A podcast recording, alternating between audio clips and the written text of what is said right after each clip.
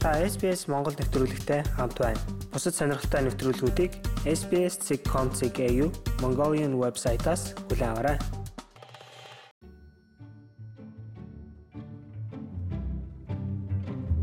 Сайн байцгаана уу ихэм сонсогчдоо. Энэ удаагийн оршин суух хөтөч булангаараа Австрали улсад оршин суух визний хугацаа дуусвал ямар үр дагавар учирч болох талаарх мэдээллийг та бүхэндээ өргөхөд бэлэн боллоо.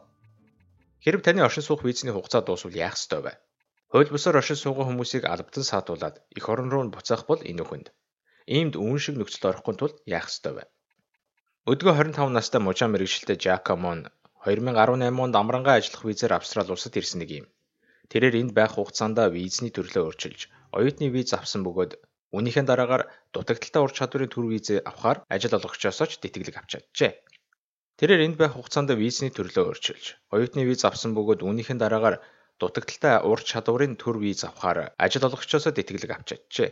Гэвч 482 төрлийн визэнд өргөлөө мэдүүлсний дараагаар гүүрэн визээр оршин сууж байсан түүний хувьд бүх зүйл оронгоор эргэж гинэ бодож байсангүй. Би 2019 оны 11-р сард тэтгэлэгтэй визэнд өргөлөө мэдүүлсэн юм. Тэгээд тэр хугацаанд гүүрэн визээр оршин суух хэрэгтэй болсон. Гэтэл 5 дугаар сард ковид гарсны улмаас би ажлаа алдснаар тэтгэлэгч байхгүй болсон. Үүний улмаас дотоод хэргийн яамнаас Жакомод 35 хоногийн дотор 482 төрлийн визнээсээ татгалзаж өөр виз мэдүүлэх эс бөгөөс тус улсыг орхин гарах мэдээллийг хүргүүлсэн гин. Энэш дагуу тэрээр шилжих хөдөлгөөн хариуцсан агентийн тусламжтай өөр төрлийн визэнд өргөдөл гаргасан ч татгалцсан хариу авсан байна. Учир нь түүний оршин сууж байсан сүүлийн визний төрөл болох оюутны визнийхээ хугацаа дуусаад 28 хоносны дараа өргөдөл өгсөн нь татгалцсан хариу авах гол шалтгаан болжээ. Ямар ч тач түүний хувьд давзаалт хөрөглөө өгчөд байгааг юм. Тэгвэл дээрх шиг визний хугацаагаа хэтрүүлэх тохиолдол баггүй гардаг болохыг Migration World байгууллагын шилжилт хөдөлгөөн хариуцсан зууч Эммануэл Канени хэлж байлаа. Аялын визтэй хүмүүс л дийлэнхтэй визний хугацааг хэтрүүлэх нэгдэг байдаг. Мэдээж бас зарим тохиолдолд оюутнууд таарах нь бий. Тэдний хувьд визний дуусах хугацаагаа мартдаг бол зарим нь үл тоох эсвэл энэ системийг сайн ойлгоогүй байдаг. Харин зарим хүмүүсийн хувьд хууль бусаар оршин сууж ажиллахын тулд албаар хугацаагаа хэтрүүлэх нь ч бий. Мөн амрангаа ажиллах визтэй хүмүүсийн хувьд удаах виз нь хизээ эхлэхийг мэдэхгүй байж байгаад өмнөх визний хугацаагаа хэтрүүлсэн тохиолдлуудтай ч таарч байсан. Канинигийн хэлж буугаар хууль бусаар оршин суугаа иргэдийн талаар буруу ташаа ойлголт өргөн хүрээнд тархаад байгааг юм. Хууль бусаар оршин сууна гэдэг нь заваар хил зөрчин орж ирсэн улс төрийн оргонол хүсэгчтэй адилгүй. Визний хугацаа дууссанаас хойш 28 хоногийн дотор Австрали улсыг орхин гарах боломжтой гэж хүмүүс ойлгоод байна. Энэ бол маш буруу ойлголт. Визний хугацаа дууссанд бол дууссан гэсэн үг. 1958 онд батлагдсан шилжин суурьших хөдөлгөөний тухай хууль болон 1994 оны шилжин суурьших хөдөлгөөнийг зохицуулах тухай хуулиудад визний талаар дараах байдлаар тусгаж өгсөн байна. Хуулиараа хүн бүр Австрали улсад нэвтрэх болон оршин суугтай заавал хүчинтэй визтэй байх ёстой. Бүх төрлийн төр виз нь дуусах хугацаатай тул визнийхээ хугацааг дуусгаас урьдч визээ дахин сунгах, эс бөгөөс тохирох шаардлагуудыг хангасан тохиолдолд өөр төрлийн виз үсэх ёстой. Хэрв визний хугацаа дуусах үед эдгээрийг хийхгүй бол та хууль зөрчил үйлдэлүүлнэ.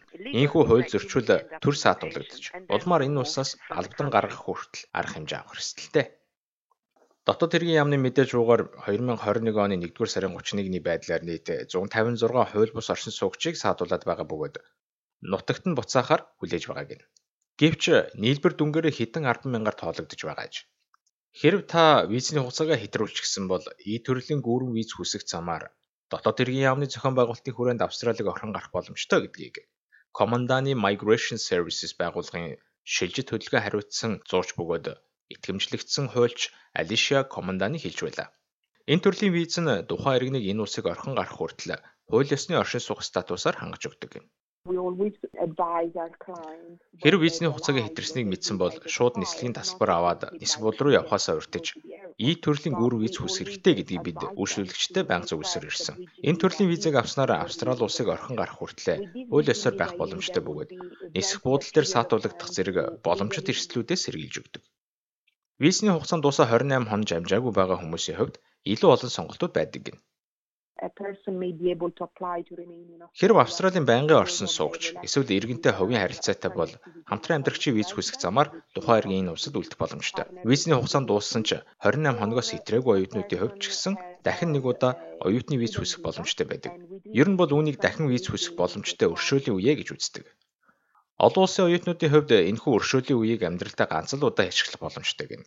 Харин визний хугацаанд дууснаас хойш 28 хоногт визний асуудлаа шийдэх чиглэлд ямар ч арга хэмжээ аваагүй хүмүүсийн хувьд сонголт маш хязгаарлагдмал болдог байна. Зарим тохиолдолд тухайн иргэнд 3 жилийн хугацаанд дахин виз олохгүй байхаар шийдвэрлэдэг гэнэ. Хэрв та Австрали улсад 28-аас дээш хоногор хуулбасаар оршин суусан бол ирээдүйд хүсэх визний өргөдлийг чинь тодорхой хугацаагаар хүлээж авахгүй байх нөхцөл үүснэ гэсэн үг. Өөрөөр хэлбэл та дор хаяж 3 жилийн хугацаанд Австрали улсад нэвтрэх виз авч чадахгүй болно. Та сайн дураараа Австрали улсыг орхисон тохиолдолд ч гэсэн энэ шийдвэр үйлчлэх болно. Энэхүү 3 жилийн татгалзлын хугацаа нь Австрали улсыг орхин гарсан өдрөөс эхлэн тоологдож эхэлдэг байна. Тэгвэл энэ нөхцөл байдлаас хэрхэн зайлсхийх вэ? Виз авах үедээ дуусах хугацааг сайн тэмдэглэж авах нь хамгийн шилдэг арга зам гэдгийг Канини хэлж байв. Визүүгээр оршин сууна гэдэг маш хэцүү зүйл. Гинти осол эсвэл ямар нэгэн шалтгааны улмаас ийм байдалд орохыг үгүйсэхгүй ч виз дуусах хугацаагаа мэдж байх хэрэгтэй. Үүнийг виз олгосон загтал дээрээс эсвэл дотоод хэргийн яамны захим хуудасны системд мэдээлэл оруулах замаар шалгах боломжтой. Системийг ойлгох эсвэл хэлний бэрхшээл байгаа бол мэрэгжлийн үнээс зөвлөгөө авах хэрэгтэй. Мөн нөхцөл байдлаас шалтгаалan зарим хүмүүсийн хувьд хамгаалтын визэнд хүсэл гарах боломжтой гэнэ.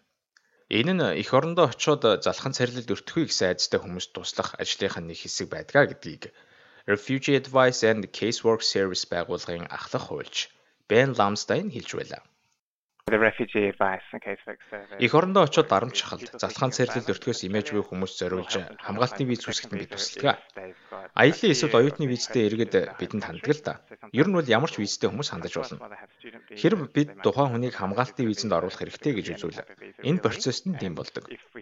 Хэрв тэд визний өргөлөө хүлээж байхдаа визний шаардлагыг хангаж чадахгүй байгаа тохиолдолд татгалцсан хариу авах магадaltaй тул бид бас энэ тал дээр нь дэмжлэг үзүүлдэг.